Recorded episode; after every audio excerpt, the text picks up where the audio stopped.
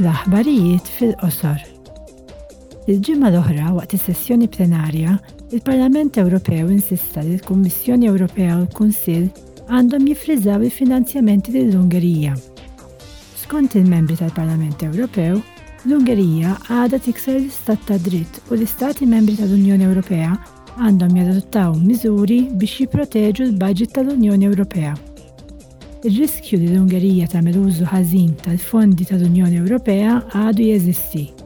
Il-Kummissjoni m'għandhiex tapprova l-pjan tal-Ungerija tal-Faċilità għall-Irkupru u r-Reżiljenza sakemm l-istess pajjiż jikkonforma għal kollox mar-rakkomandazzjonijiet fil-qasam tal-istat tad-dritt u mas-sentenzi kollha rilevanti tal-Qorti tal-Ġustizzja tal-Unjoni Ewropea u tal-Qorti tad-Drittijiet tal-Bniedem. It-Tazza tad-Dinja tal-FIFA tal-2022 qed issir bħalissa l-Qatar, iżda l-Parlament Ewropew ikkundanna bil-qawwa l-imwiet ta' eluf ta' ħaddiema migranti qabel ma bdew il-logħob. Il-vittmi kollha fit-tħejjija tat-Tazza tad-Dinja għandhom jiġu kkumpensati. Il-membri tal-Parlament Ewropew infeżizzaw ukoll li l-Istat tal-Golf intgħażel biex jospita t-Tazza tad-Dinja fost allegazzjonijiet kredibbli ta' tixħim u korruzzjoni. Huma qalu li l-FIFA għamlet ħsara serja lill-immaġni u lill-integrità tal-futbol globali.